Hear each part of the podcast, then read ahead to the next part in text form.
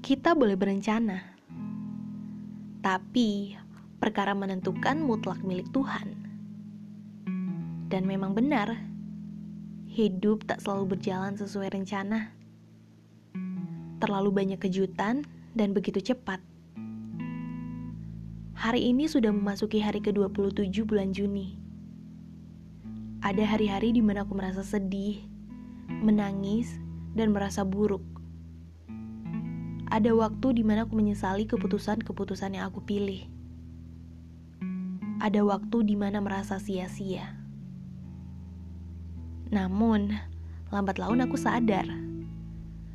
Aku terlalu banyak berkutat dengan pikiran buruk. Keresahan dan ketakutan diciptakan oleh diri sendiri. Seharusnya aku mengucap syukur.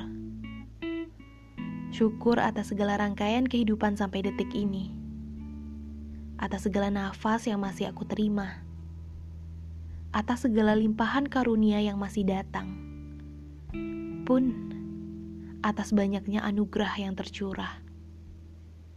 Segala pikiran buruk yang tercipta oleh diri sendiri tak semestinya menutup hati hingga lupa untuk mensyukuri semuanya. Dan bahwa memang benar, hidup adalah perjalanan yang penuh kebaikan. Ya, dan kita wajib mengucap syukur atasnya.